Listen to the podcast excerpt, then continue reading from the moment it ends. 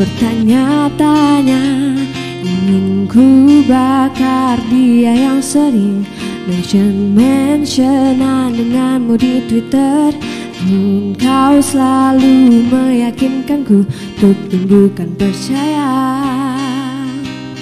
Bukan rasa curiga Dan tunggulah aku di sana Memecahkan celengan rinduku Berboncengan denganmu Mengelilingi kota Menikmati surya perlahan menghilang Hingga kejamnya waktu Menarik paksa Kau dari pelukku Lalu minta kembali Menabung rasa rindu Saling mengirim doa Sampai nanti sayangku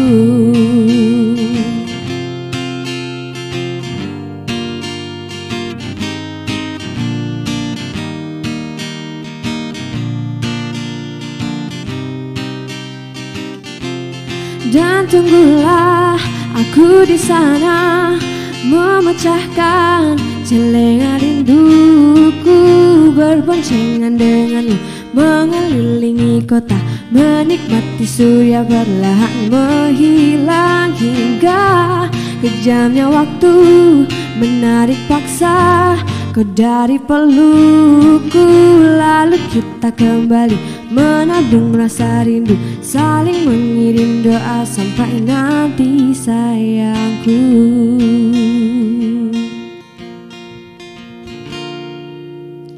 Selamat siang semuanya, kembali lagi bersama kami Widya dan V di Ngobrolin Jogja Part 6 Sebelumnya kami akan mengucapkan Dirgahayu Indonesia yang ke-75 Semoga Indonesia semakin jaya Oke, next song, Lost Star.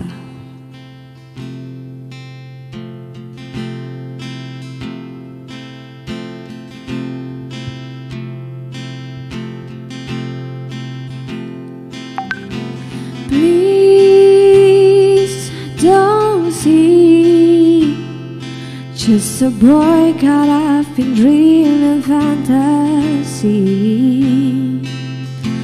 Please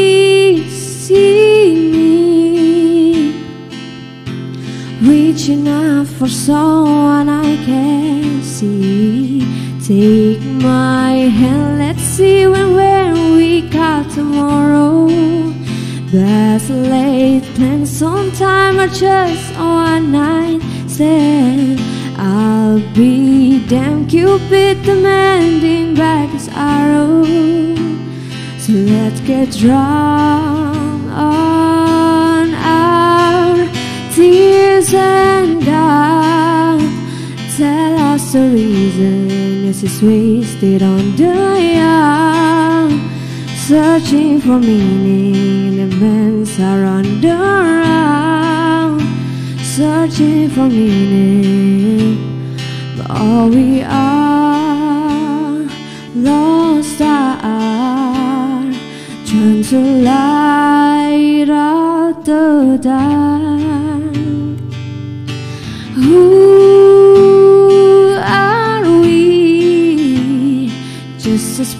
spark of dust within the galaxy. Who is me? If we're not careful, turn to reality.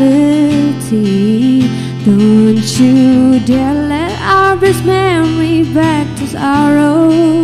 Yesterday I saw a lion kiss a deer. I'll be and Cupid demanding brand new ending Where we're dancing. Our tears and gout Tell us the reason. It's just wasted on the young. Then from the reason and the rains are on the round Searching for meaning. And all we are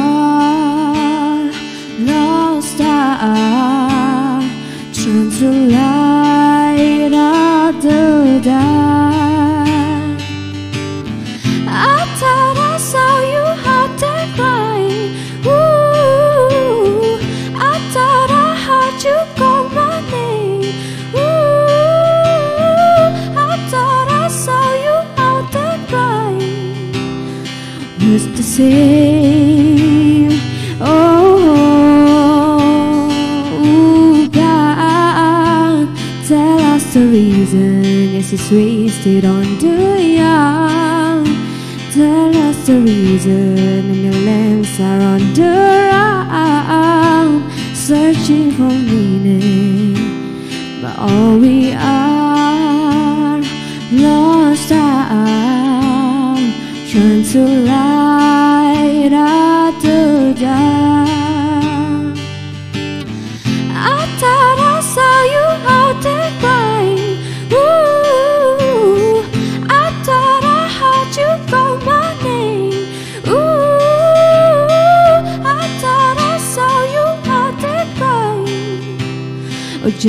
same, lost star, trying to light up the dark. But all we are lost are trying to light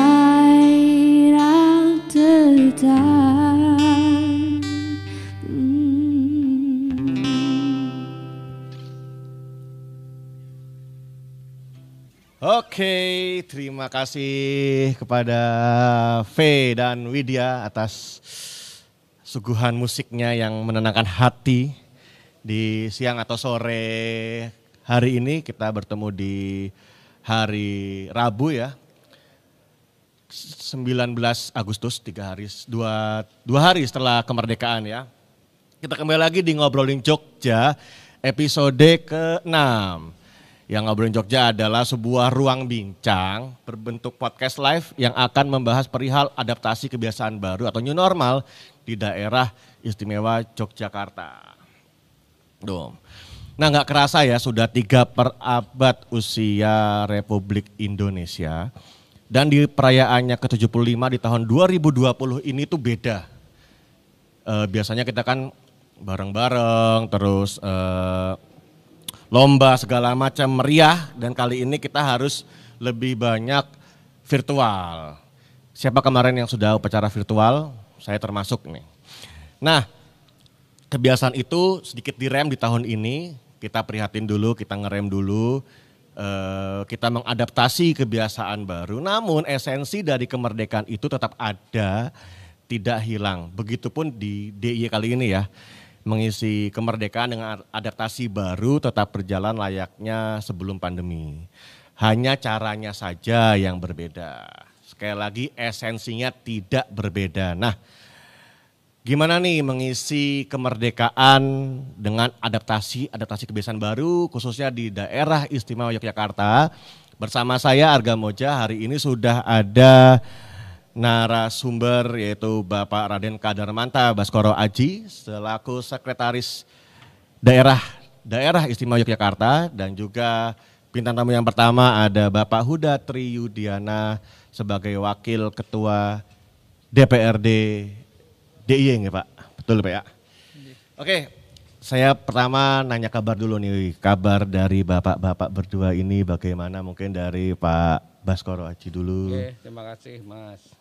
Sehat, Alhamdulillah. Alhamdulillah. Ya, mohon doanya selalu diberi kesehatan. Selalu Pak kita mendoakan semuanya tetap sehat. Amin. Kalau kata Pak Roni kemarin, Randedit rapopo yang penting sehat. Begitu. Ya kalau bisa didit dan sehat. Wah, amin ya Allah, amin ya Allah. Bapak Uda, gimana Pak kabarnya Pak? Sehat-sehat saja semuanya. Sekeluarga semua sehat alhamdulillah. Alhamdulillah, sehat-sehat semua Pak ya. Mungkin ke Bapak Uda dulu nih Pak, sedang sibuk apa ini Pak saat ini Pak? Saat ini sibuk po- podcast sama jenengan.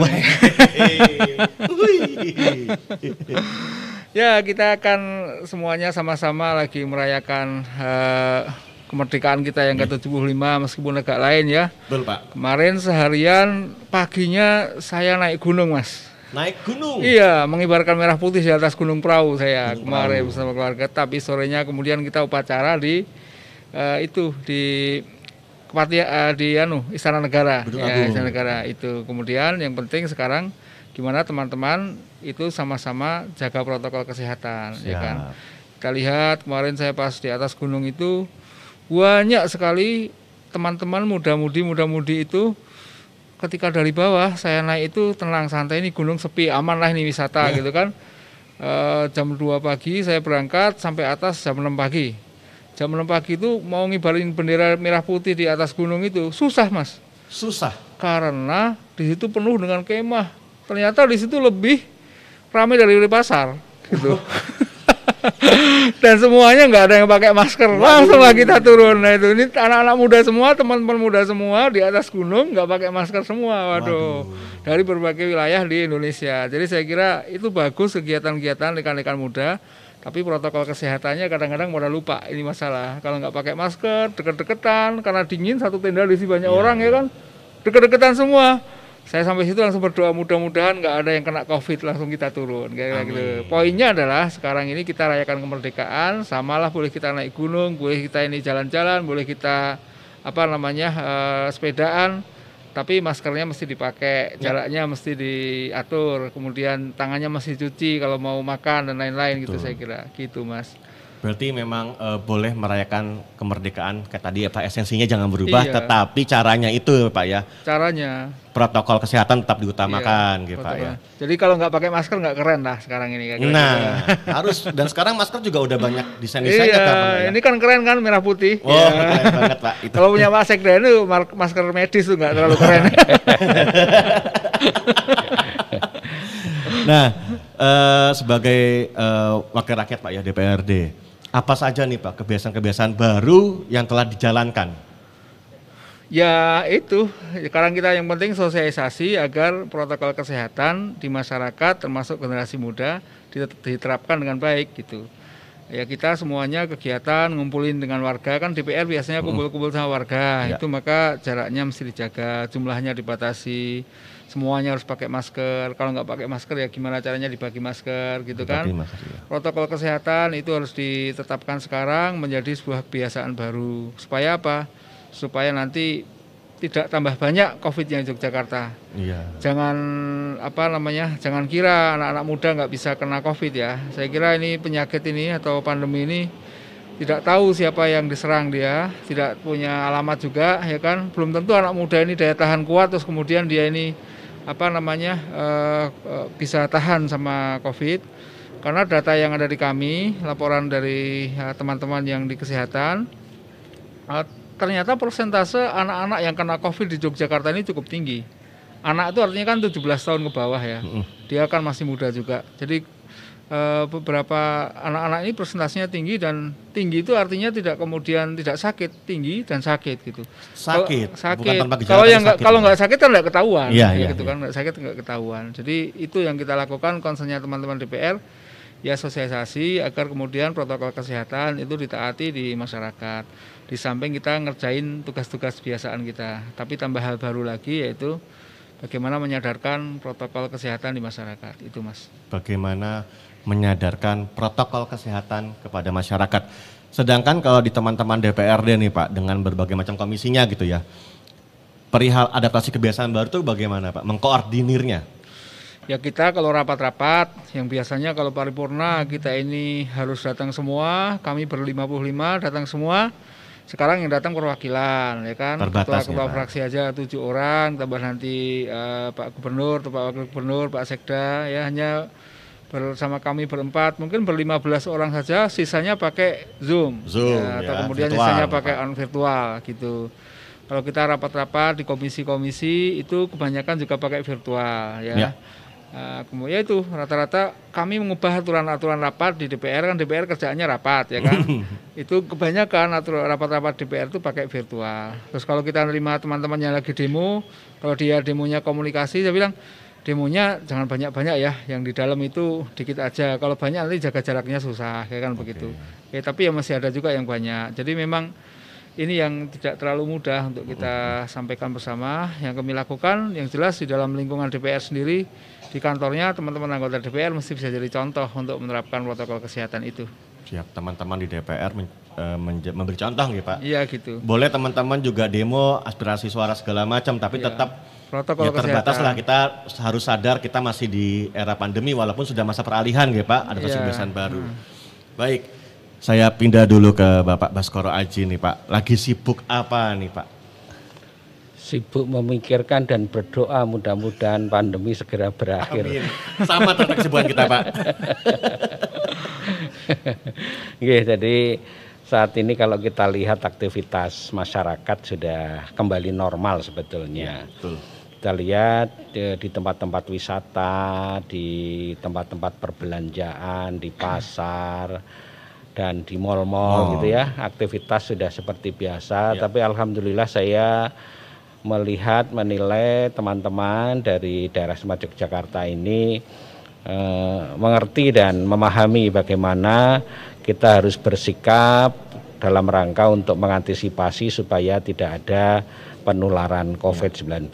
Mereka pakai masker dan seterusnya. Tapi begitu kerumunan itu datang dari berbagai tempat, bukan hanya orang Jogja saja. Saya melihat kemudian banyak protokol-protokol kesehatan yang kemudian diabaikan. Nah, ini tentu jadi perhatian dan keprihatinan kita karena kita ingin aktivitas ekonomi kita itu tetap seperti biasa, tetapi kita mematuhi protokol kesehatan. Kita lihat sekarang ini eh, pertumbuhan ekonomi kita sudah cukup jatuh. Kita itu sudah sampai pada angka minus pertumbuhannya. Tentu kalau pada bulan-bulan ini, hari-hari ini, maksud saya minggu-minggu ini kita perhatikan kita sudah ada pertumbuhan sekitar 1,5, 1, sekian, itu belum bisa mengembalikan pada angka positif yang ada. Karena kita sempat terjatuh pada angka sekitar 6, sekian persen, eh, semakin 6, sekian. Tentu kalau kemudian pertumbuhan kita masih sekitar satu atau bahkan sampai dua, kita belum bisa kembali ke positif. Tentu ini akibatnya adalah pada kesejahteraan masyarakat. Kalau tingkat ekonomi itu belum bisa pulih seperti sedia kala, tetapi kemudian orang harus menanggung pembiayaan-pembiayaan termasuk pembiayaan kesehatan yang cukup mahal, tentu ada persoalan di situ. Nah, ini yang sekarang kita upayakan supaya kesehatan dan ekonomi itu berjalan seiring bukan eh, versus bukan berlawanan tetapi signifikansi positif di antara dua-duanya. Itu Mas kira-kira Oke. seperti itu. Berarti ekonomi berjalan, Kesehatan. tapi protokol juga tetap berjalan ya gitu. Pak ya. Harus Betul seperti itu ya. Eh, cuci tangan, pakai masker, jaga jarak segala macam itu. Nanti kalau orang sudah terbiasa sebetulnya nggak ada beban kok pakai masker, jaga jarak, sering-sering cuci tangan dan seterusnya itu sebetulnya bukan beban lagi kalau kita sudah membiasakan diri. Sehingga harapan kita aktivitas-aktivitas itu sudah melekat menjadi kebiasaan perilaku di masyarakat sehingga kita enjoy aja harus pakai masker. Iya. Kalau masker tadi Pak Uda menyampaikan masker saya ini sudah nggak mode lagi. Ya ini saya masalahnya saya cari yang gratis gitu mas ya. Supaya tidak tambah beban biayanya. Nah ini nih yang eh, harus menjadi kebi- eh, hal yang harus kita upayakan. Jadi kebiasaan jadi perilaku. Jadi orang tidak merasa harus mengada-ada tapi dia melakukan sesuatu itu sudah otomatis begitu gitu mas. Oke. Saya juga sudah, saya di titik panik Pak kalau saya nggak bawa masker keluar. Hmm. Kalau saya nggak bawa masker dan hand sanitizer keluar rumah itu di titiknya panik saya. ya Pilihannya balik ke rumah atau beli di apotek itu doang. Iya. Ya, di titik itu. Berarti kan perilakunya harus diubah Eh, juga nih Pak. Betul ya. Begitu melihat wastafel itu, walaupun habis cuci cuci lagi, Cuci lagi. ya gitu. Betul sekali. Nah, kita mundur dulu nih Pak. Ya. Eh, sebenarnya tugas dari seorang sekda DIY itu apa sih Pak? Kalau sekretaris itu ya pekerjaannya adalah bagaimana saya membantu Pak Gubernur Oke. dalam rangka untuk melaksanakan tugas-tugas kesekretariatan, tugas-tugas mencari bahan-bahan kebijakan untuk Pak Gubernur.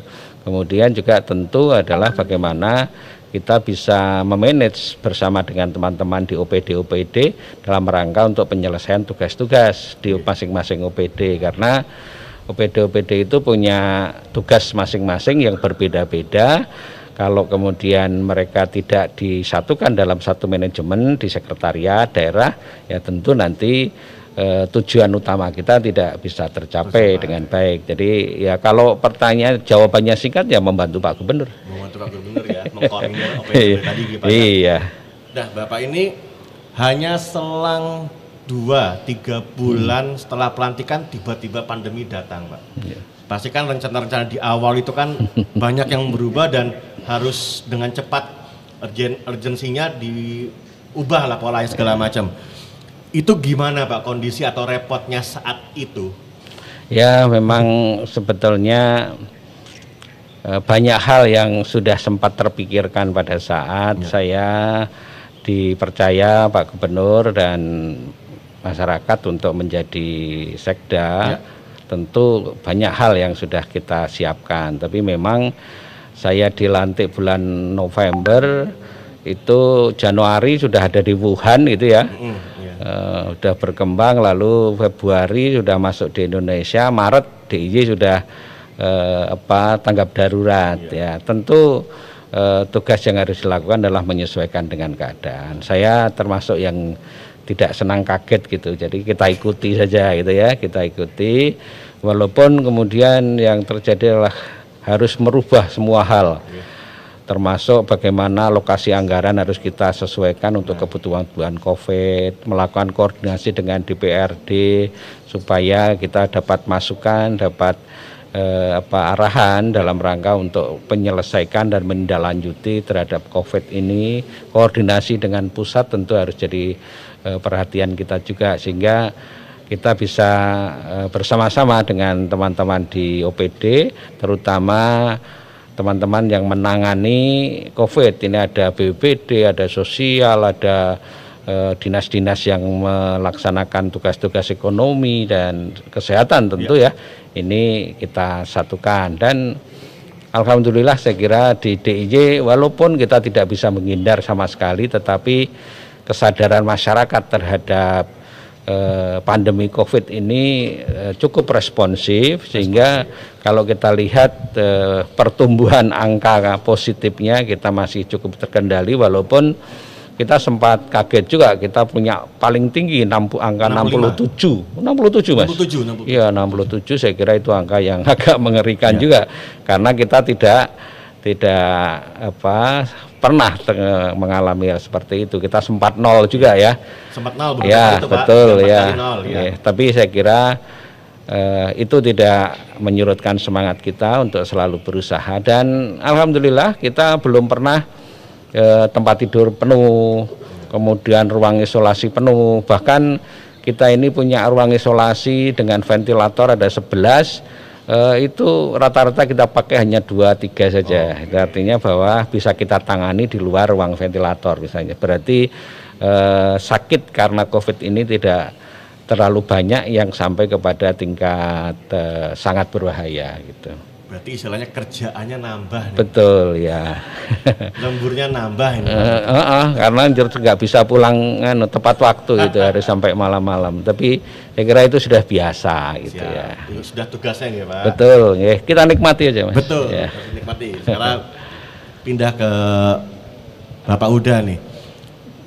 Se sinergi apa Pak yang telah dilakukan dengan adaptasi kebiasaan baru ini antara dewan dengan pemerintah daerah misalnya? Ya kita ini kan senantiasa bermitra ya antara ya. Uh, Pak Sekda dan teman-teman dan kami dan teman-teman. Sehingga kalau ada kebijakan-kebijakan ya kita komunikasi baik-baik, uh, kita sesuaikan urusan-urusan yang terkait dengan pekerjaan-pekerjaan kita. Jadi kalau DPR itu kan tugasnya tiga. Yang pertama ya penganggaran ya kan. Kalau masa COVID ini penganggaran ini kan betul-betul harus berubah ya, berubah ya. macam-macam ya. Ini butuh kita koordinasi rutin Eh, kemudian koordinasi juga hal-hal yang penting urusan penganggaran ini bagaimana perubahan-perubahannya biar jadi tetap apa manfaat ada yang bisa untuk masyarakat dan ada yang tetap tidak mengurangi anggaran-anggaran yang bisa uh, untuk penanganan covid ya kan Iya. kemudian yang kedua kita bikin aturan ya aturan-aturan apa yang bisa diterapkan nih untuk DIY ini ya mungkin ini mau bikin perda untuk biar caranya protokol kesehatan itu bisa masuk aturan gitu kan Oke. Uh, juga yang ketiga ngaw- pengawasan kan.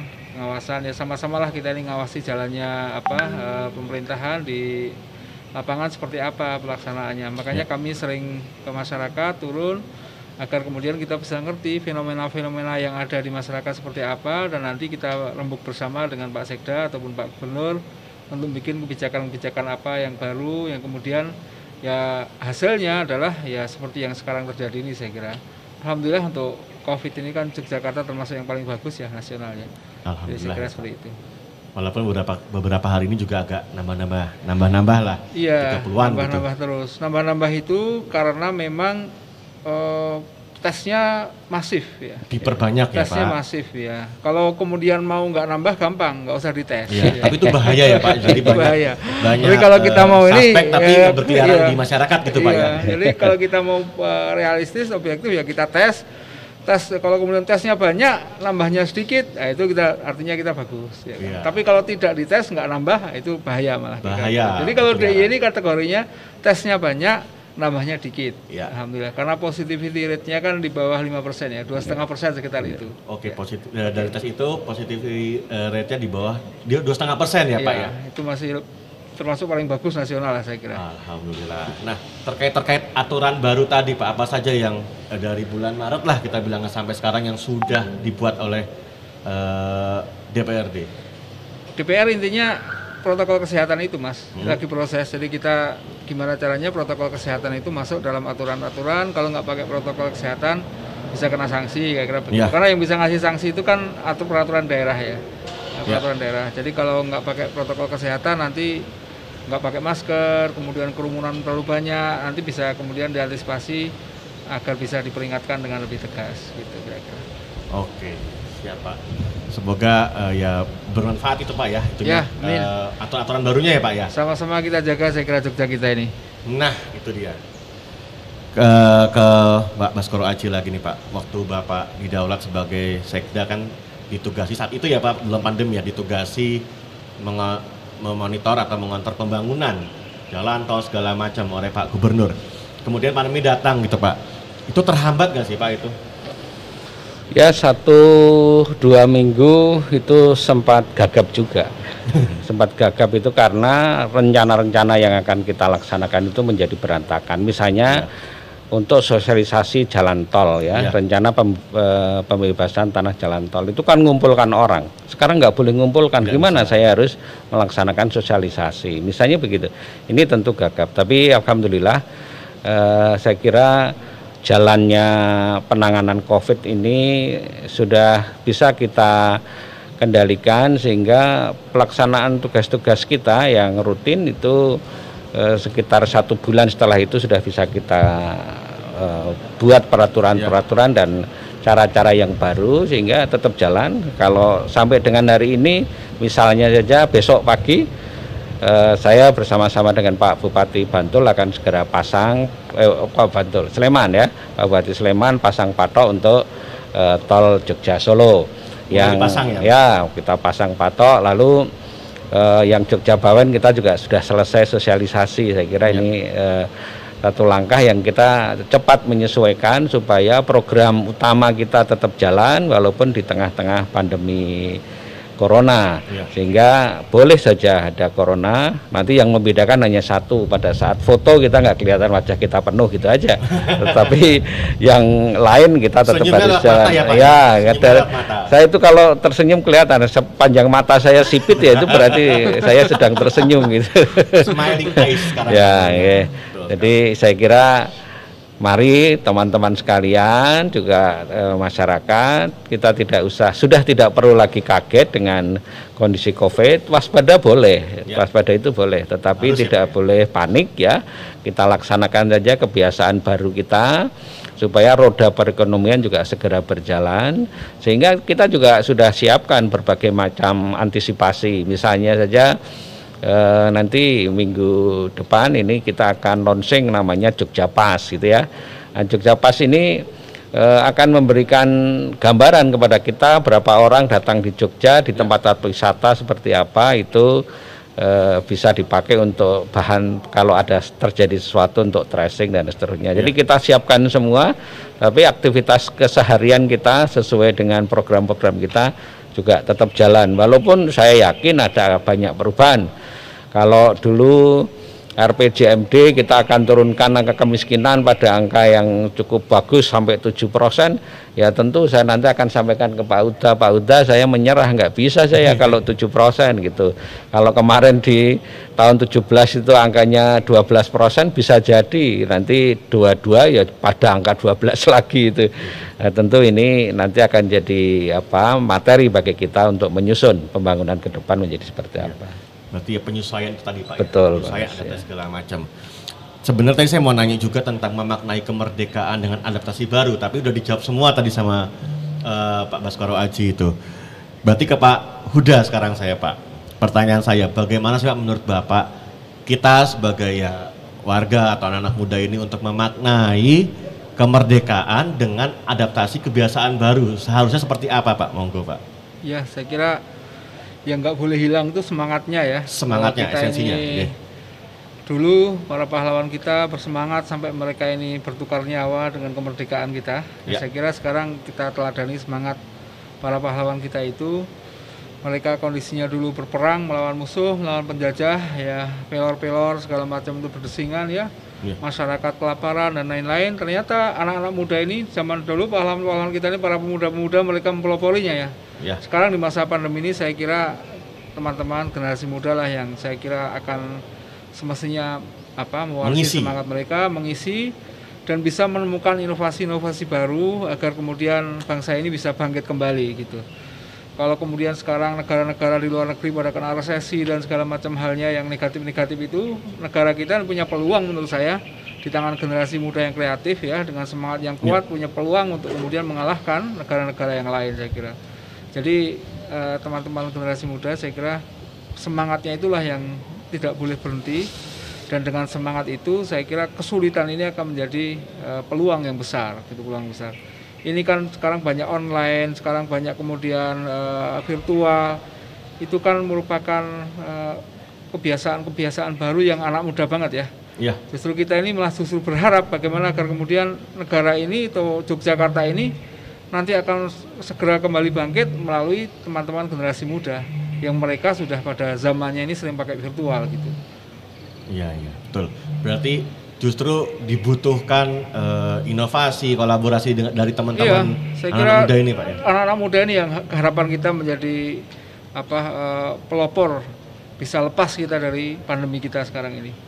Karena di saat seperti ini digitalisasi justru peran mereka dibutuhkan nih Pak ya. Sangat dibutuhkan. Betul. Kreativitas mereka, peran mereka, semangat mereka itu sangat dibutuhkan untuk kemudian bisa me, apa, melepaskan diri dari kondisi yang dianggap oleh sebagian orang ini sulit. Saya kira ini bukan sulit lah. Ini kebiasaan baru yang kemudian kita harus menyesuaikan diri dan kalau banyak para ahli mengatakan di mana ada sebuah bencana, ada kesulitan itu kemudian akan muncul peluang-peluang baru yang luar biasa. Ya, saya kira teman-teman generasi muda mestinya berpikir dan kemudian secara naturali mereka dengan semangat bisa bangkit lah malah membangkitkan membantu generasi-generasi yang lebih senior saya kira. Oke. Penjelasan yang sangat komplit didapat dari Bapak Uda tadi ya. By the way, terima kasih Pak atas waktunya. Sesi ya. yang pertama kita lihat dulu. Terima kasih untuk Bapak Huda sudah hadir di sini. Bapak Baskoro Aji nanti dulu Pak. Kita akan ya. sesi kedua Pak ya. Hmm. Dan memberitahukan kembali saat ini kita sedang berada di Bangsal Kepatihan, Komplek Kepatihan Daerah Istimewa Yogyakarta. Uh, acara ini juga live di YouTube Humas Jogja dan Kominfo DIY. Silakan kalau ada yang mau mungkin usul-usul segala macam bisa langsung aja di komen. Dan kita rehat dulu di sesi pertama ini. Habis ini kita juga santai-santai sejenak mendengarkan hiburan tawa yang seperti biasa ya. Yang kali ini akan akan dibawakan oleh Om Sigit Haryoseno dan juga Mas Gigih Adiguna. Kepada saya lupa namanya apa, duo apa, baru baru bikin nama mereka ini. Tapi saya lupa itu. Duo apa namanya? Rukun Makmur. Dua rukun dua rukun makmur ya, dua rukun makmur. Ya kepada Om Seno dan Mas Gigih atas waktunya dipersilahkan. Matur nuwun. akhirnya bisa lihat lagi Mas. Ya. Terima kasih juga untuk Pak Huda dan Pak Baskara.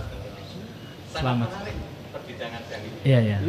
Seputar masih seputar kenormalan baru ini. Nggih. Makna kemerdekaan. Kita ya. akan sedikit ngobrolin. Betul betul. Mas.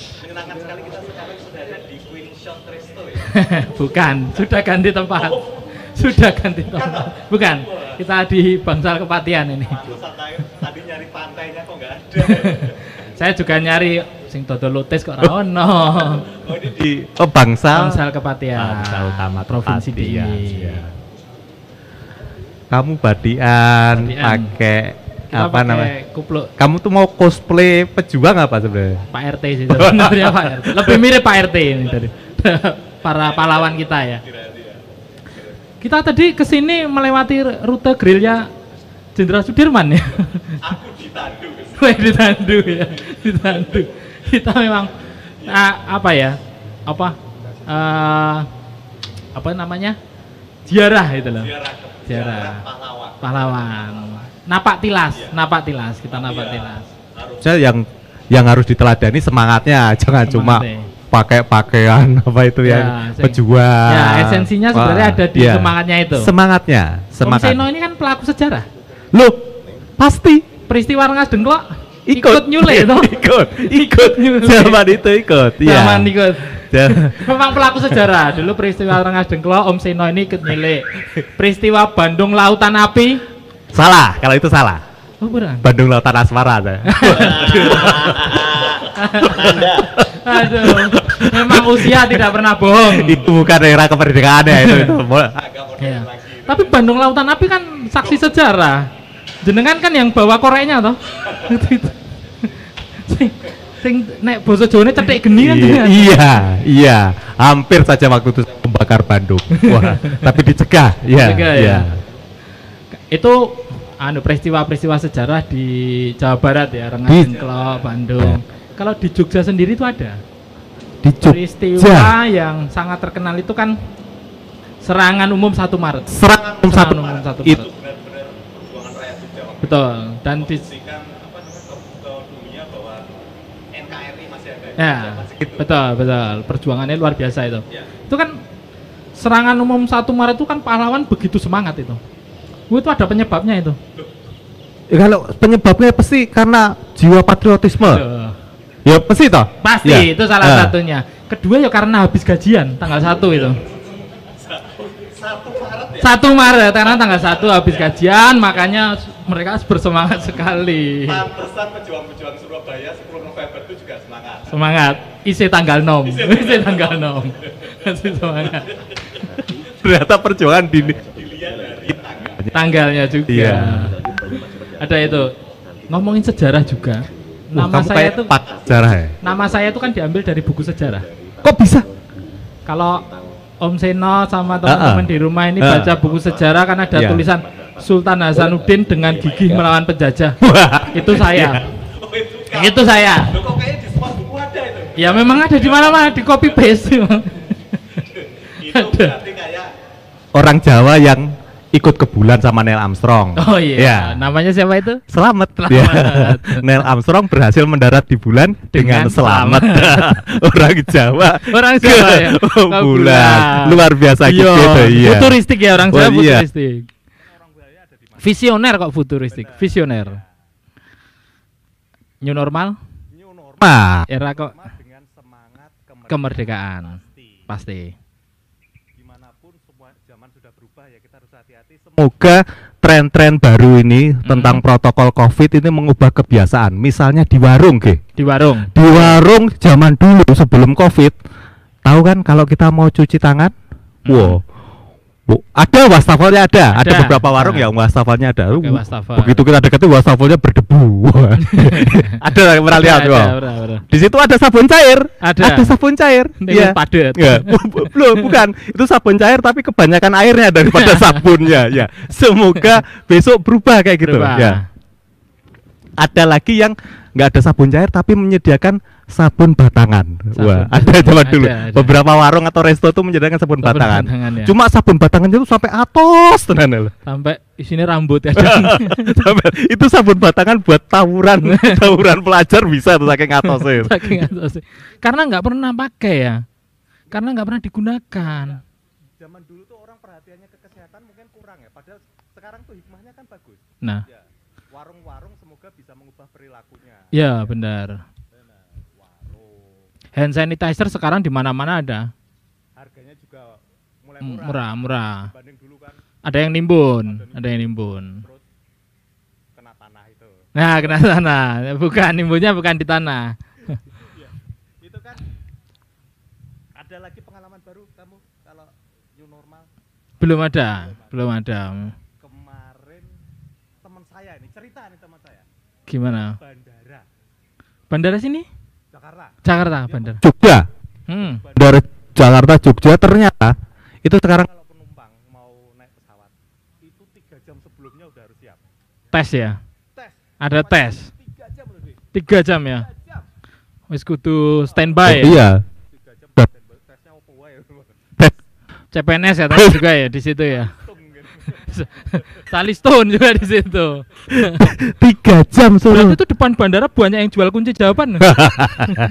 kayaknya Kayak depan Gorwindy itu ya? joki joki juga ada kayak itu joki tes swabnya wah Depan Gorwindy. itu lumayan ya kalau Lumayan. lama apa tesnya tiga jam di bandara perjalanannya jauh lumayan nah ini teman saya ternyata? naik pesawat Jakarta Bandung. Waduh, entah neng tes itu ya, entah neng tes. kalau gitu kenapa gak naik travel ya? Nah, lebih nyak- naik travel lewat Kebumen dari Jakarta ke Bandung. Katanya ada lagi itu yang new normal jenengan. banyak banyak pengalaman kabar-kabar saya mendapat informasi bioskop. Bioskop. tempat favorit kita berdua zaman pacaran Ya, kita kan sering rebutan remote di sana ya, di bioskop. bukan remote-nya ada. Bioskop itu kan kemarin sebenarnya akhir Juli Juli akhir Apa? Juli bioskop rencananya mau buka loh se Indonesia mau buka. mau buka Tetapi diundur Diundur. Iya, karena sem- dianggap semua kan diundur ini. ya berbahaya Nah, apa namanya mungkin karena dalam ruangan dan AC itu kan berbahaya, berbahaya, ya bahaya. Itu nanti katanya nanti kalau bioskop buka itu semua penonton mungkin pakai face shield Face shield.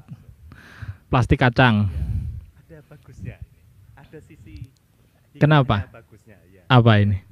kalau dulu kan Biasa nih. ada kawula muda yang nonton bioskop untuk memanfaatkan kesempatan dalam kesempitan Ya, karena gelap ya tempatnya ya. suka nyosor nyosor Aduh. Berarti nyasar-nyasar ya ke bioskop bawa banyak ya. Pemintok nggak nyasar. kalau pakai face shield wow gelap gelap malah konangan, kan nyosor nyosor ada suara pas hening nonton film ada suara tak Sopo gue sing nyosor tak tak. Kula nuwun malah ngono. Wah. Ada juga apa ini itu apa eh, yang kemarin protes protes akhirnya soal ketangkep. Jering. Oh jering, jering, gua jering. Idola kita semua. Wah, enggak, aku enggak mau idola Nggak, Mak. jering. Ketika Iya. dia main musik, Oh, iya. ketika dia main musik kan Eh, Superman iya. is Dead ya anak Iya. muda dengerin. Tapi kemarin namanya ada yang ngubah loh sama Apa? wartawan, bukan Apa? Superman is dead, Spiderman is dead. ada itu di salah satu situs berita. So, jering vokalis Spiderman is dead. Tipu ya. Salah. Itu Jering kenapa itu? jering ya masuk penjara ya karena dia cuma menganggap kemerdekaan itu tanpa batas ya nggak bisa kayak gitu. Mm-mm. Dia ngomong ya harus ada harus tahu lah. Iya. Ada, ada batasnya jangan sampai men- menyinggung orang lain juga. Ngono ya ngono ning ora ngono. Bener sekali. Tapi katanya kamu mau nengok jering ke penjara. Ah itu. Bener ya? Biasanya kan orang nengok itu kan bawa makanan, minuman. Ini kalau nengok jaring itu bawaannya pomade. Biar tetap necis. Biar tetap necis itu. enggak bawa sepeda low rider. Low rider. Andai ku malaikat masuk penjara Apa yang dibuat jaring di penjara? di penjara ya. Penasaran ya kita ya.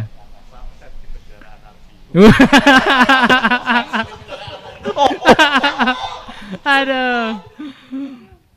Banyak kan itu Sopranis Dead kan lagu-lagunya apalagi ya Tapi kalau pahlawan. jaring besok keluar penjara, Mm, kayaknya mungkin nggak nggak terlalu lama juga ya. Iya. Dia besok akan memasuki konser zaman new normal. Iya. Konser zaman new normal tuh kabarnya besok konsepnya apa drive-in ya. Orang Iya. Ah, orang pakai mobil. Pakai mobil nonton. Penontonnya tetap eh pe- penyanyinya di panggung, bandnya di panggung. Ya. Jadi besok kabarnya gitu. Jadi setiap apa namanya lagu selesai penontonnya tepuk tangannya dengan klakson. Din din din, din. Maju kabeh malahan. Yang paling bahaya mobil paling depan kan. Kebiasaan di Indonesia kan di lampu merah. Lah. Wah, itu lampu hijau. Wow. Maju kabeh. Artisnya ketabrak. Panggungnya ditabrak. Konsernya tapi seru. Kalau bisa bayangkan ada konser Ah. normal kayak gitu. Burung penyanyi belum lima detik selesai wes di Bali dan kebiasaan. kebiasaan di lampu merah. Kebiasaan barbar. Oh, oh ya. saya nyanyi urung ma urung mandek saya lima detik lagi mandek wes di bel.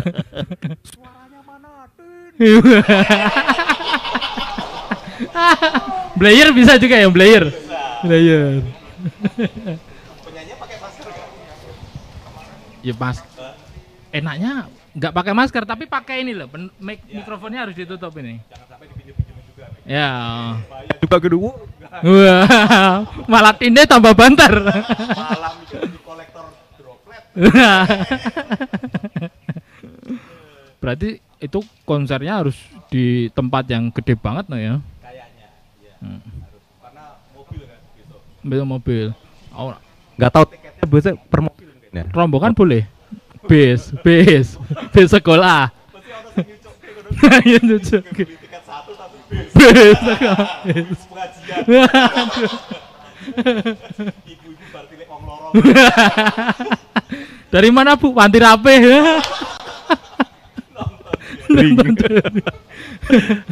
aduh kayaknya sudah 10 menit ini ya Ya, sudah lebih mungkin. sudah ya. lebih Oke, terima, terima kasih. kasih.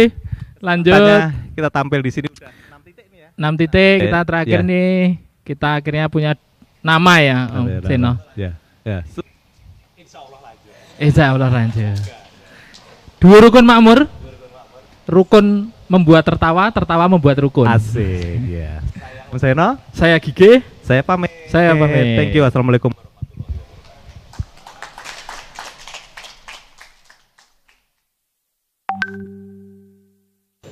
Iya, kita kembali lagi di sesi yang kedua. Sebelumnya terima kasih dulu kepada Om Seno dan Mas Gigi. Tepuk tangannya dulu dua rukun makmur yang sudah memberikan hiburan tawa ya.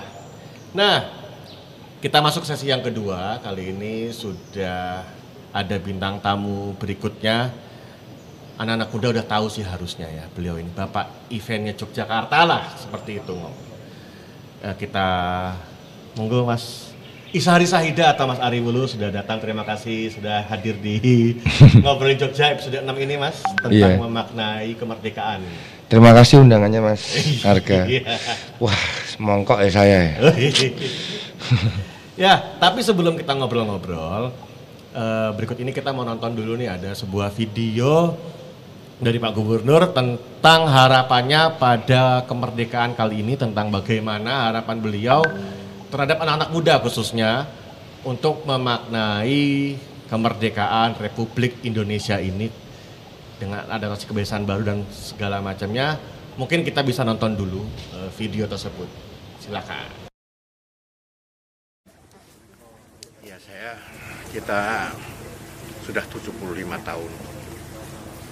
Jadi saya punya harapan bagaimana warga masyarakat Jogja dan khususnya anak-anak muda ya.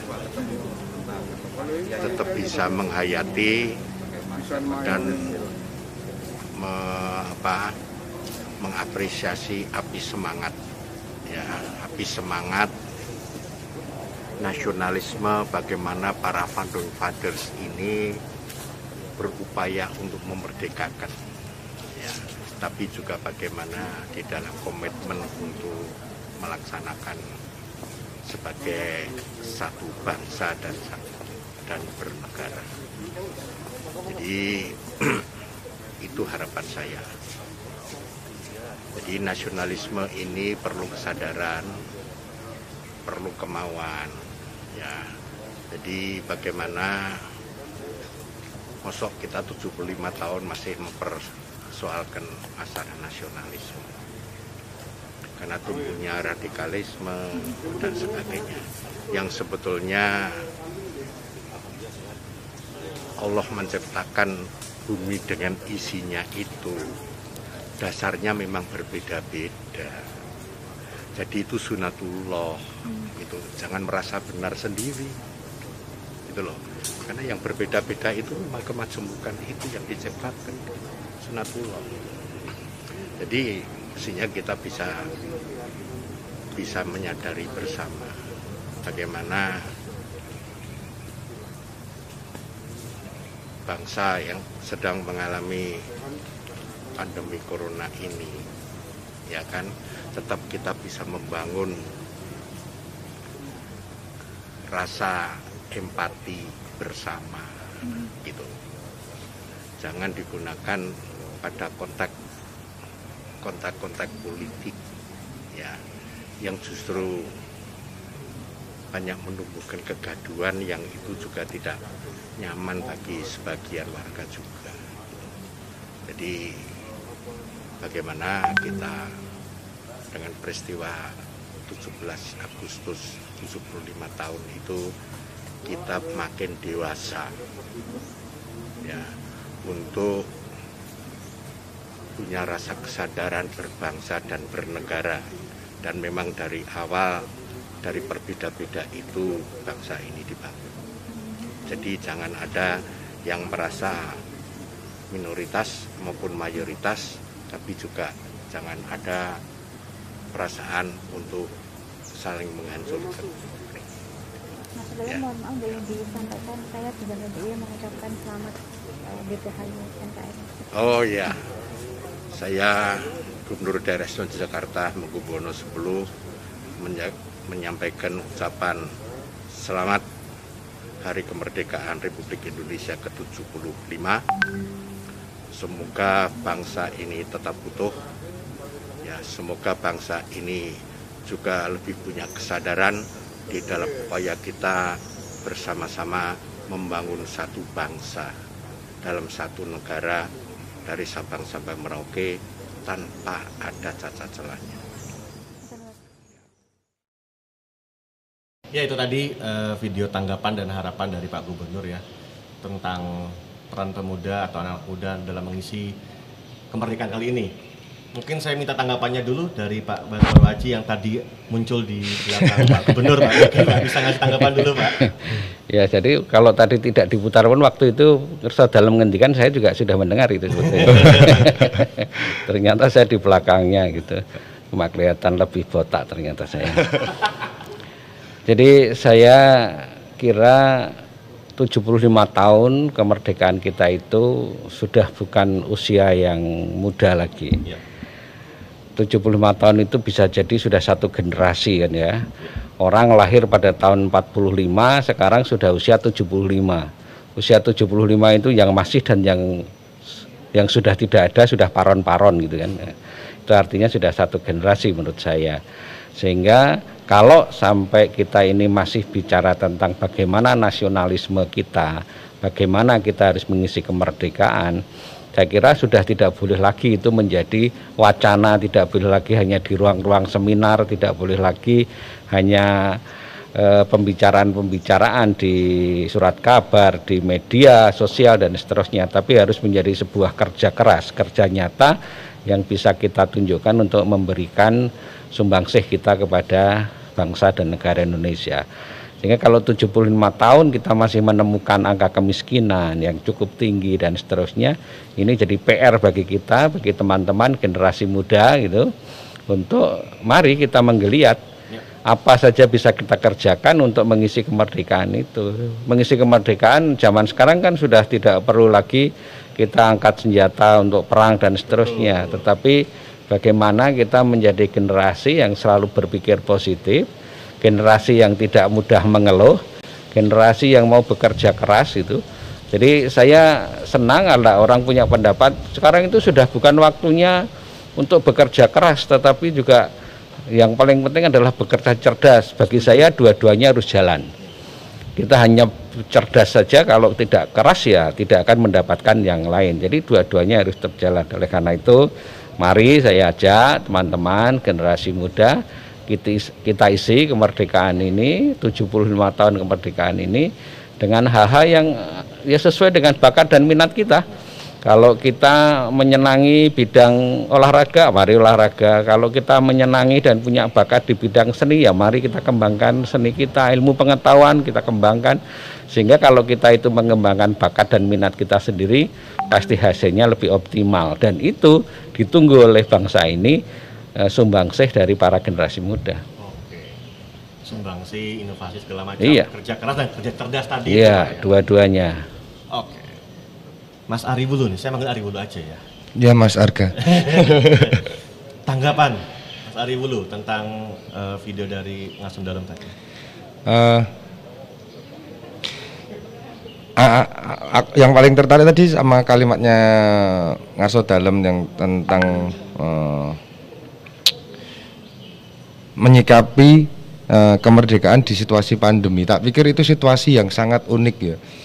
Eh, kalau kalau teman-teman masih ingat bagaimana kita memperingati kemerdekaan Indonesia tahun lalu, itu di berbagai lini itu kita berusaha berlomba-lomba memperingatinya dengan cara-cara yang sangat uh, sophisticated Uh, pengibaran bendera digital lalu serentak uh, menyelenggarakan upacara online dan seterusnya dan seterusnya itu tahun lalu terus uh, selain ada upacara-upacara yang yang yang apa uh, Online, offline kali. ya on on ground gitu yang yang yang seremonial maksud saya. Nah eh, di tahun ini itu kebetulan ada ini kan sebenarnya saya bisa memaknainya sebagai eh,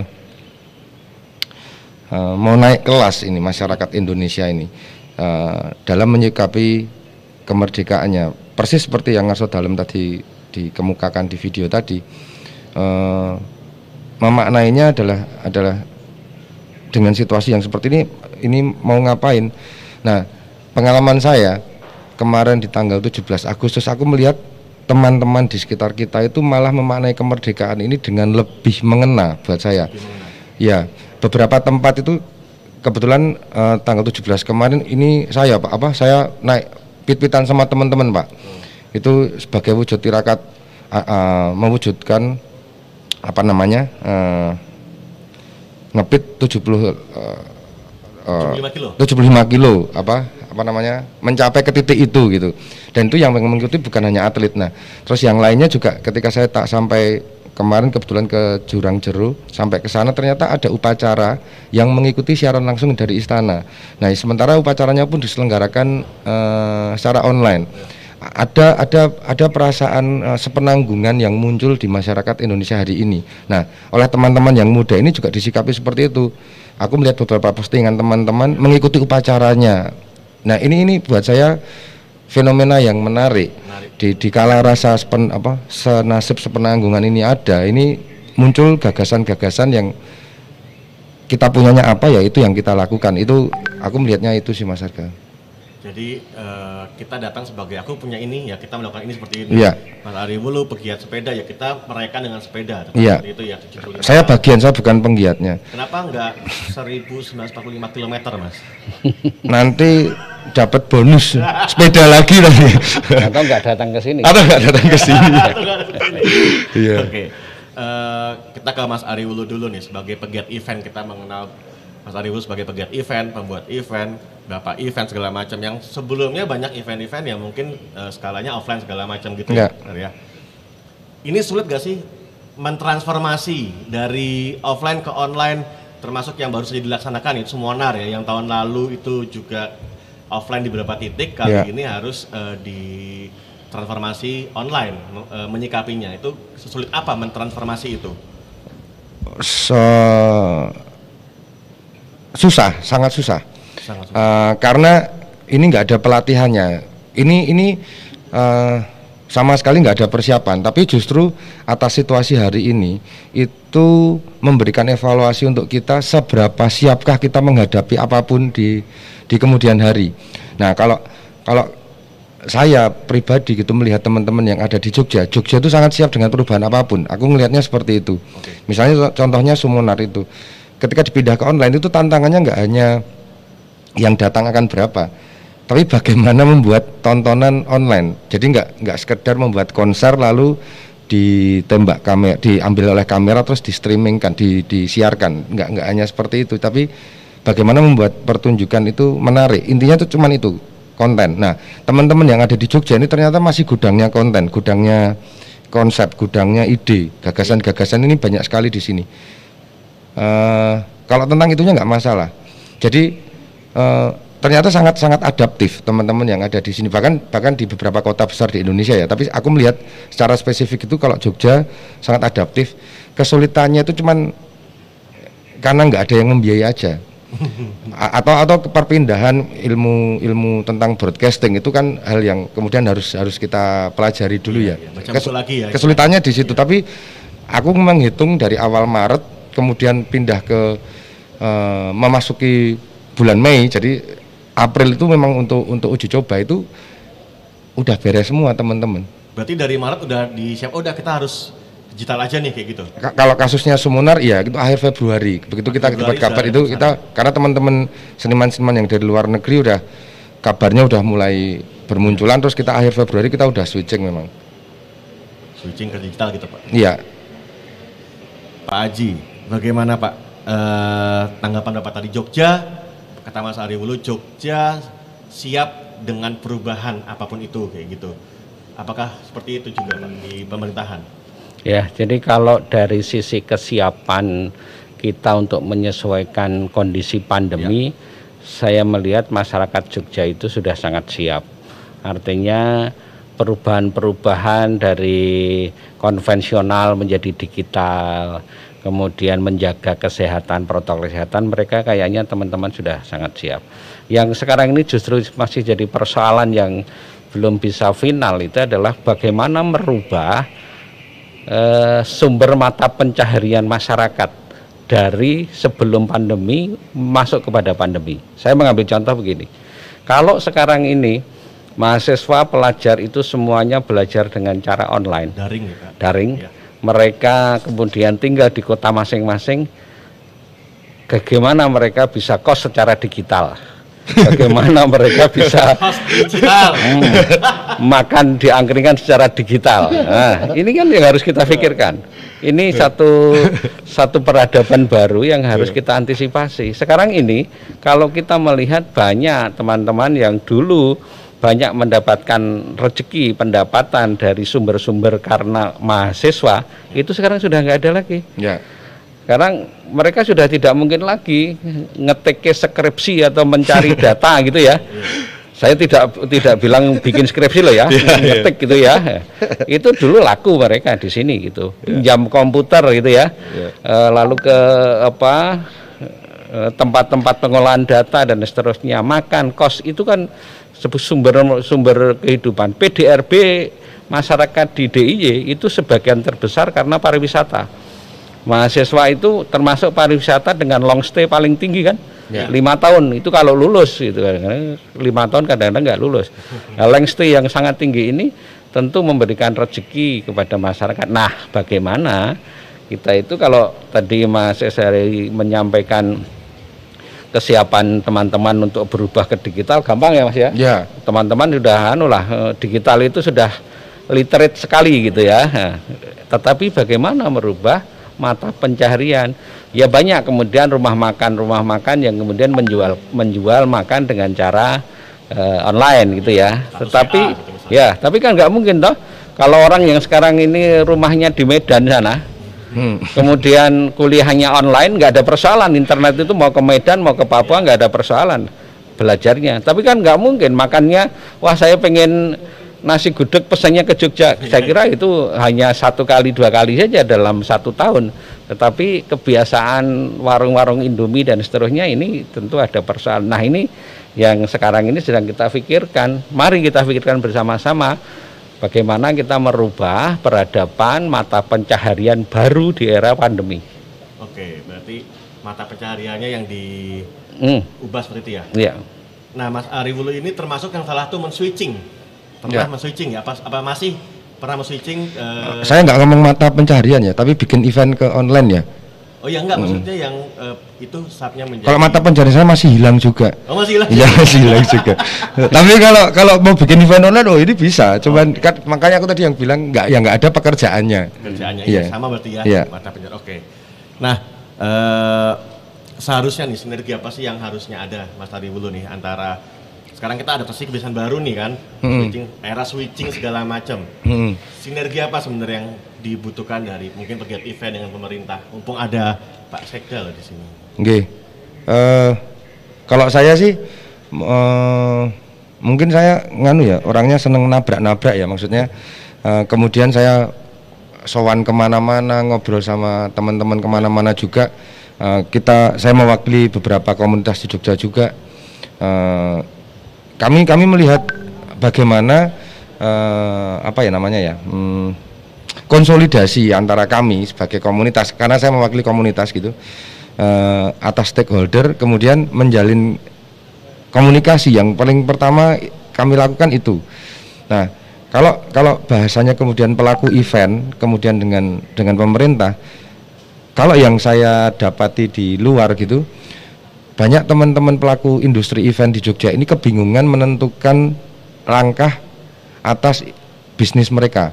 Nah, mungkin yang terjadi adalah kurang komunikasi antara pemerintah dengan pelaku event. Kalau dilalah saya, saya yang nabrai, saya ngubungi teman-teman yang ada di Kepatian maupun di Pemkot atau teman-teman di dinas-dinas. Saya ingin bikin seperti ini. Kami dari komunitas ini ingin bikin sesuatu nih. Ini apa yang bisa dibantu? Saya bisa dapat perizinan enggak atau mekanismenya harus seperti apa? Saya Bukan apa-apa ya. gitu. Iya, kami kami menjalin komunikasi secara aktif gitu. Nah, kebetulan kalau teman-teman industri event itu mungkin mereka bukan tipe yang seperti kami yang yang yang proaktif. Mereka menunggu ada arahan apa dari pemerintah eh, dalam hal ini Pemda DIY. Nah, mungkin perlu ada forum komunikasi antara Pemda DIY dengan pelaku industri event ya, rental sound system, rental panggung, venue. Eh, untuk saat ini misalnya ini Pemda belum bisa memberikan anjuran untuk pengadaan event misalnya. Anjuran pengadaan event adalah online maksudnya itu statement resmi yang kemudian di share ke mereka. Nah itu mungkin mereka akan lebih bisa menerima kondisi terus menentukan strateginya itu itu sih mungkin Mas Arga Gimana Pak Haji? Eh, saya sepakat sama Mas Ari. Jadi artinya bahwa kita ini termasuk pemerintah tentu ya harus pasti. Jadi regulasi itu harus pasti. Regulasi itu bisa aja regulasi dalam bentuk eh, peraturan Harus pasti, Pak. tertulis gitu itu bisa. Tapi juga eh, statement-statement yang kita sampaikan harus pasti. Jangan sampai kemudian komunitas seperti Mas Hari Mas Hari ini kemudian ini janjinya oleh tenan po ora toh. Ya. Kok jojo aku nganake bubarke kan gitu ya. Iya, ya iya. itu keraguan-keraguan. Jadi ini harus ada kepastian. Nah, oleh karena itu saya kira ini masukan yang cukup baik dari Mas Hari. Eh, nanti kami akan sikapi bersama dengan teman-teman pemerintah daerah sehingga ada kepastian Eh, kalau istilah kerennya itu atau istilah dulunya itu kepastian hukum gitu ya. Kepastian hukum. Jadi supaya apa langkah yang akan dilakukan dan ke depan seperti apa. Jadi jangan sampai begini. Saya sepakat. Kita upayakan sebetulnya ini selama ini sulit bagi kami di pemerintah daerah itu membuat sebuah regulasi yang berlaku panjang. Itu Panjang, agak ya. susah sekarang Ya. ini. Misalnya saja tadi sekarang ini jadi mantenan ke oleh ora toh? ya Ya, Ya, ya, ya, itu ya, ya, contoh ya, kecil ya, mantenan itu oleh ora. Kalau sekarang saya mengatakan tidak boleh, pertanyaan berikutnya, nggak boleh sampai kapan. Iya, Padahal kapan ini Pak? Ya, terus terang saya sendiri iki janjian iki Mas virus iki kan kapan itu kita juga belum tahu betul. Iya. Tapi kan pernyataan saya ditunggu gitu Iya, ya. iya, nah, iya, ini iya. yang sebetulnya kita memang harus punya eh, ahli ramal Iya. yang ilmiah gitu ya, ahli ramal yang ilmiah untuk bisa menentukan. Tapi setidaknya kita punya gambaran. Saya punya pengalaman begini. Selama ini kami meeting dengan Jakarta itu kan harus datang beramai-ramai ke Jakarta. Orang dari seluruh Indonesia kalau ada rapat datang ke Jakarta sampai di sana cuma satu hari satu malam pulang Iya. biayanya sangat tinggi dan nggak efektif sama sekali. Kalau kemudian misalnya dari Papua datangnya ke Jakarta itu berapa biaya dibutuhkan? Tapi begitu pandemi ternyata situasi ini mengajarkan kepada kita oh rapat itu nggak perlu ketemu ternyata. Kita bisa ketemu di layar gitu ya. Nah ini ternyata bisa. Bahkan saya punya pengalaman satu jam yang sama hari yang sama saya bisa meeting di tiga tempat gitu. Iya. Jadi jejer-jejer Lebih gitu di efektif depan, iya. Pak, ya? Walaupun sempat salah unmute-nya gitu ya.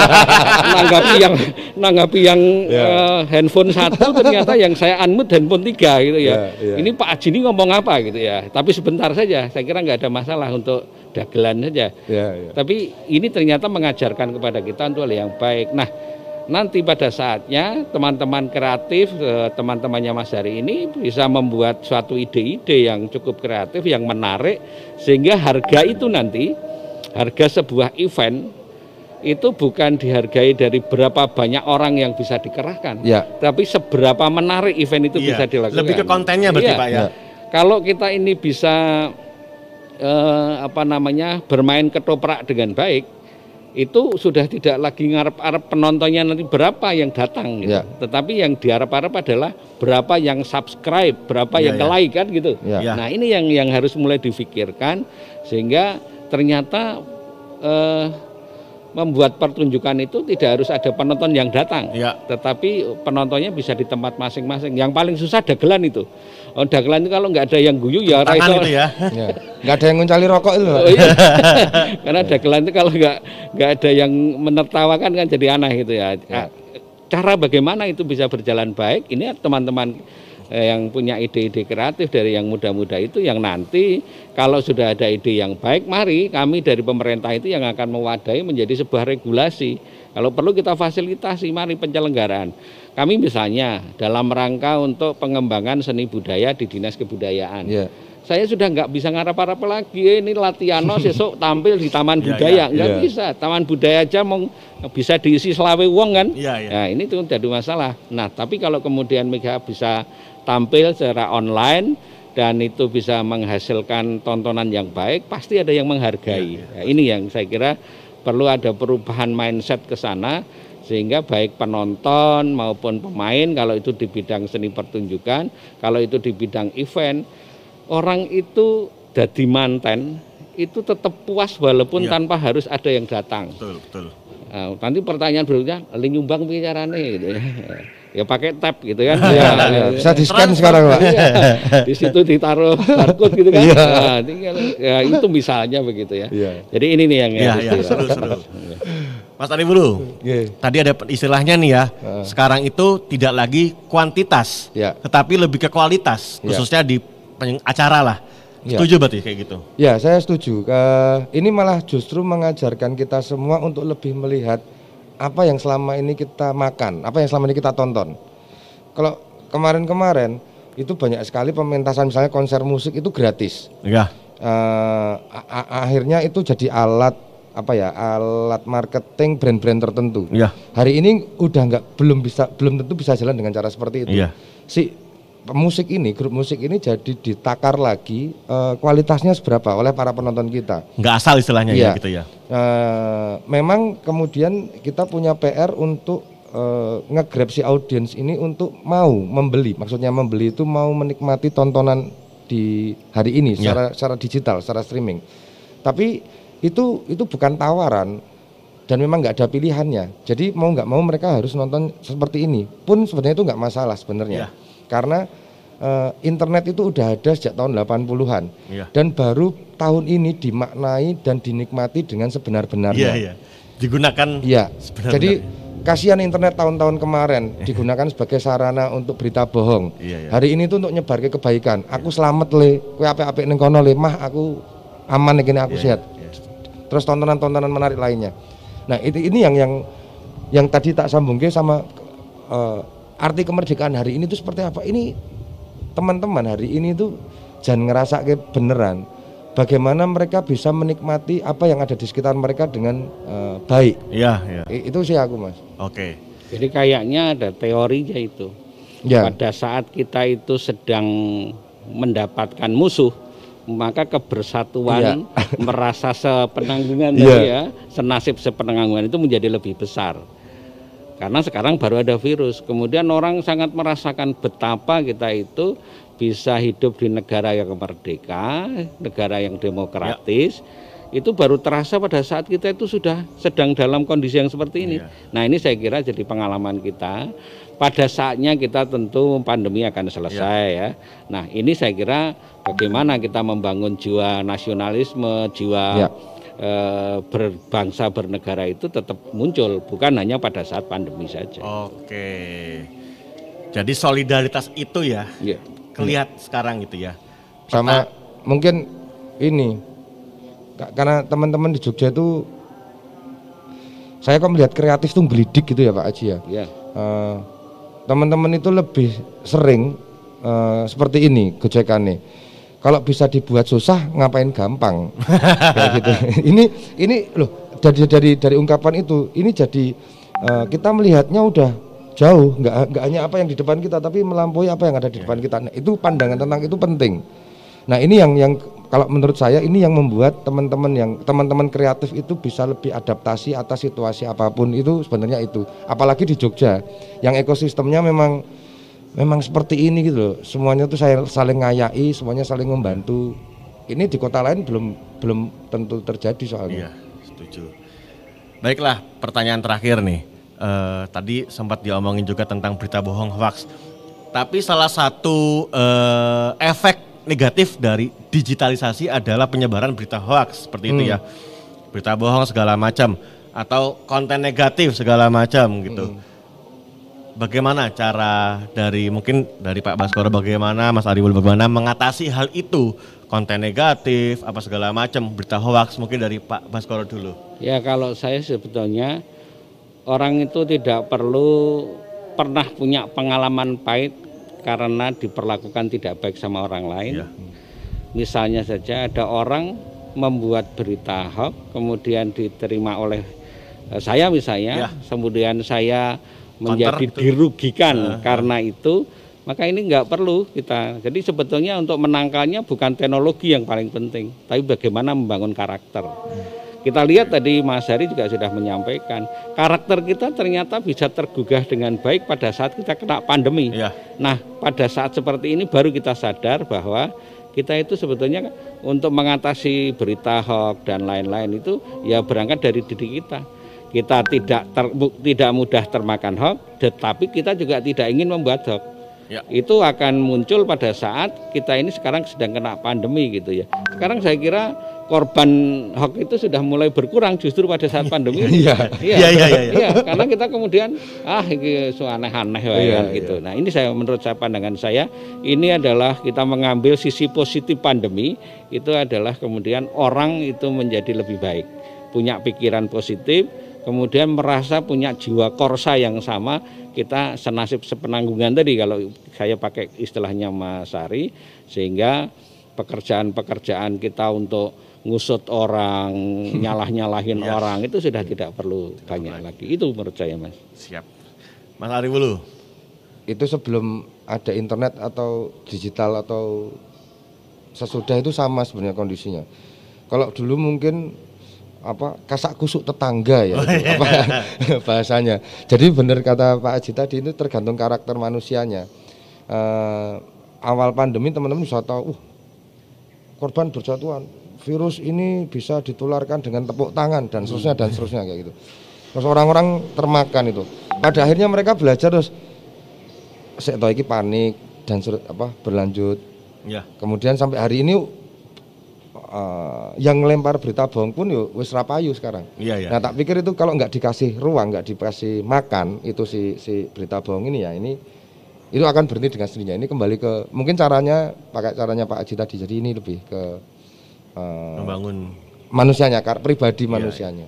Lebih ke ya wes diemin aja. Ya. Semakin kita kasih panggung semakin Ya. senang mereka gitu Ya. ya. Oke, baik terima kasih Pak Baskoro Aji sudah waktunya di sini. Mas. Aribulu terima kasih banget Mas Sama-sama, Aribulu. Mas Arga. Ya, eh, kita sampai di penutup acara. Terima kasih kepada kedua narasumber dan tadi juga ada Pak Huda. Kominfo DIY, Humas Jogja, DPRD DIY, Sekda DIY, Komplek Kepatihan atas tempatnya ini di Bangsal Kepatihan. Eh, hiburan tawa tadi ya dari Om Seno dan Mas Kiki. Kru dan tim ngobrolin Jogja, para pendukung acara dan jangan lupa komen, subscribe, like dari YouTube Humas Jogja dan juga Kominfo DIY. Saya Arga Moja undur diri. Assalamualaikum warahmatullahi wabarakatuh. Merdeka. Merdeka. Silakan Mbak V dan Widya untuk menutup acara ini. Terima kasih.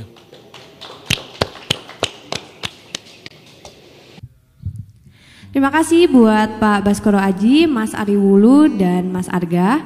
Baik, kami akhiri ngobrolin Jogja part 6 dengan persembahan dua lagu dari Widya dan V. Enjoy. Jangan lupa like, komen, dan subscribe YouTube Humas Jogja dan Kominfo DIY. Bukan cinta biasa.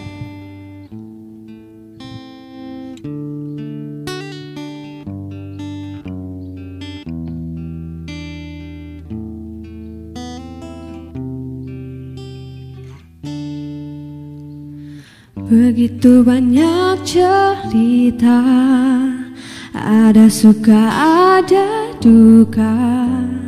Cinta yang ingin ku tulis Bukanlah cinta biasa.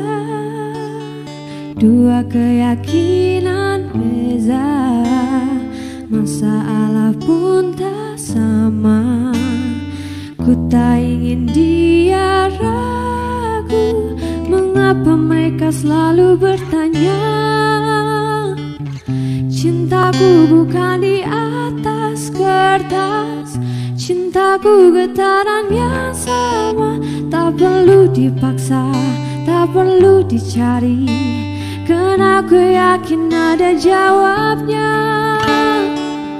Andai ku bisa merubah semua Hingga tiada orang curiga Tapi tak mungkin ku tak berdaya Hanya yakin menunggu. Jawabnya Janji terikat setia Masa merubah segala. Mungkin dia akan Ku tak mau mereka tertawa. Diriku hanya insan biasa Miliki naluri yang sama. Tak ingin berpaling, tak ingin berganti. Jiwaku sering saja berkata "Uh, Andai ku mampu ulang semula Ku pasti tiada yang curiga Kasihkan hadir. Tiada terduga Hanya yakin menunggu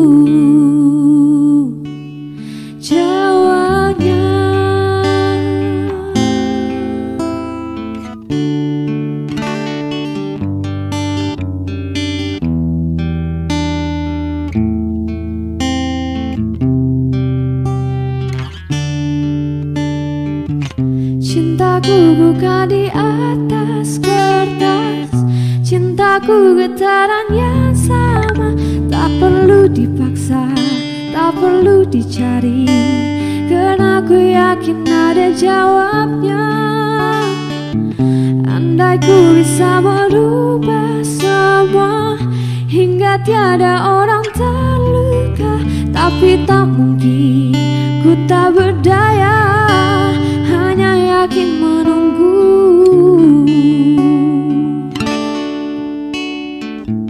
Diriku hanya insan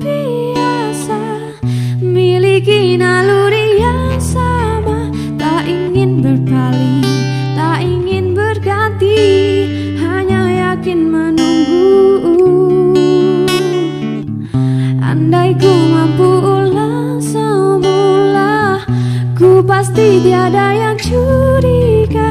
Kasihkan hari tiada terduga.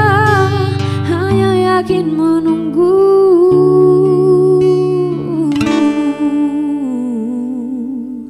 Jawabnya.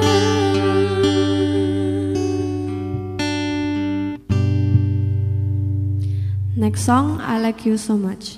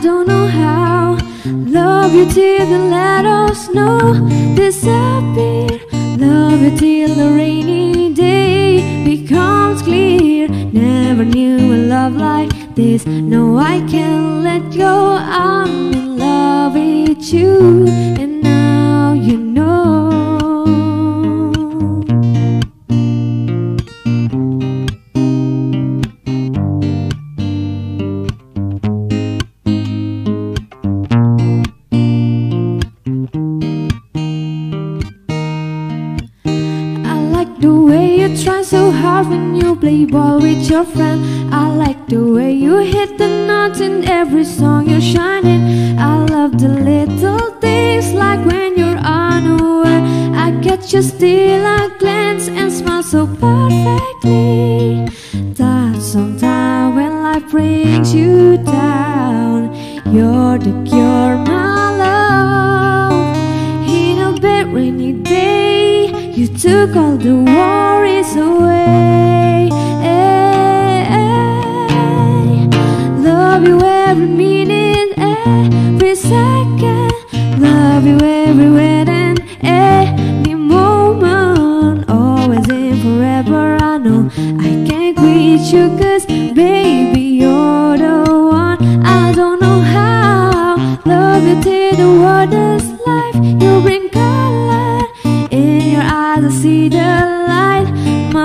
future Always and forever I know. I can't let you go. I'm in love with you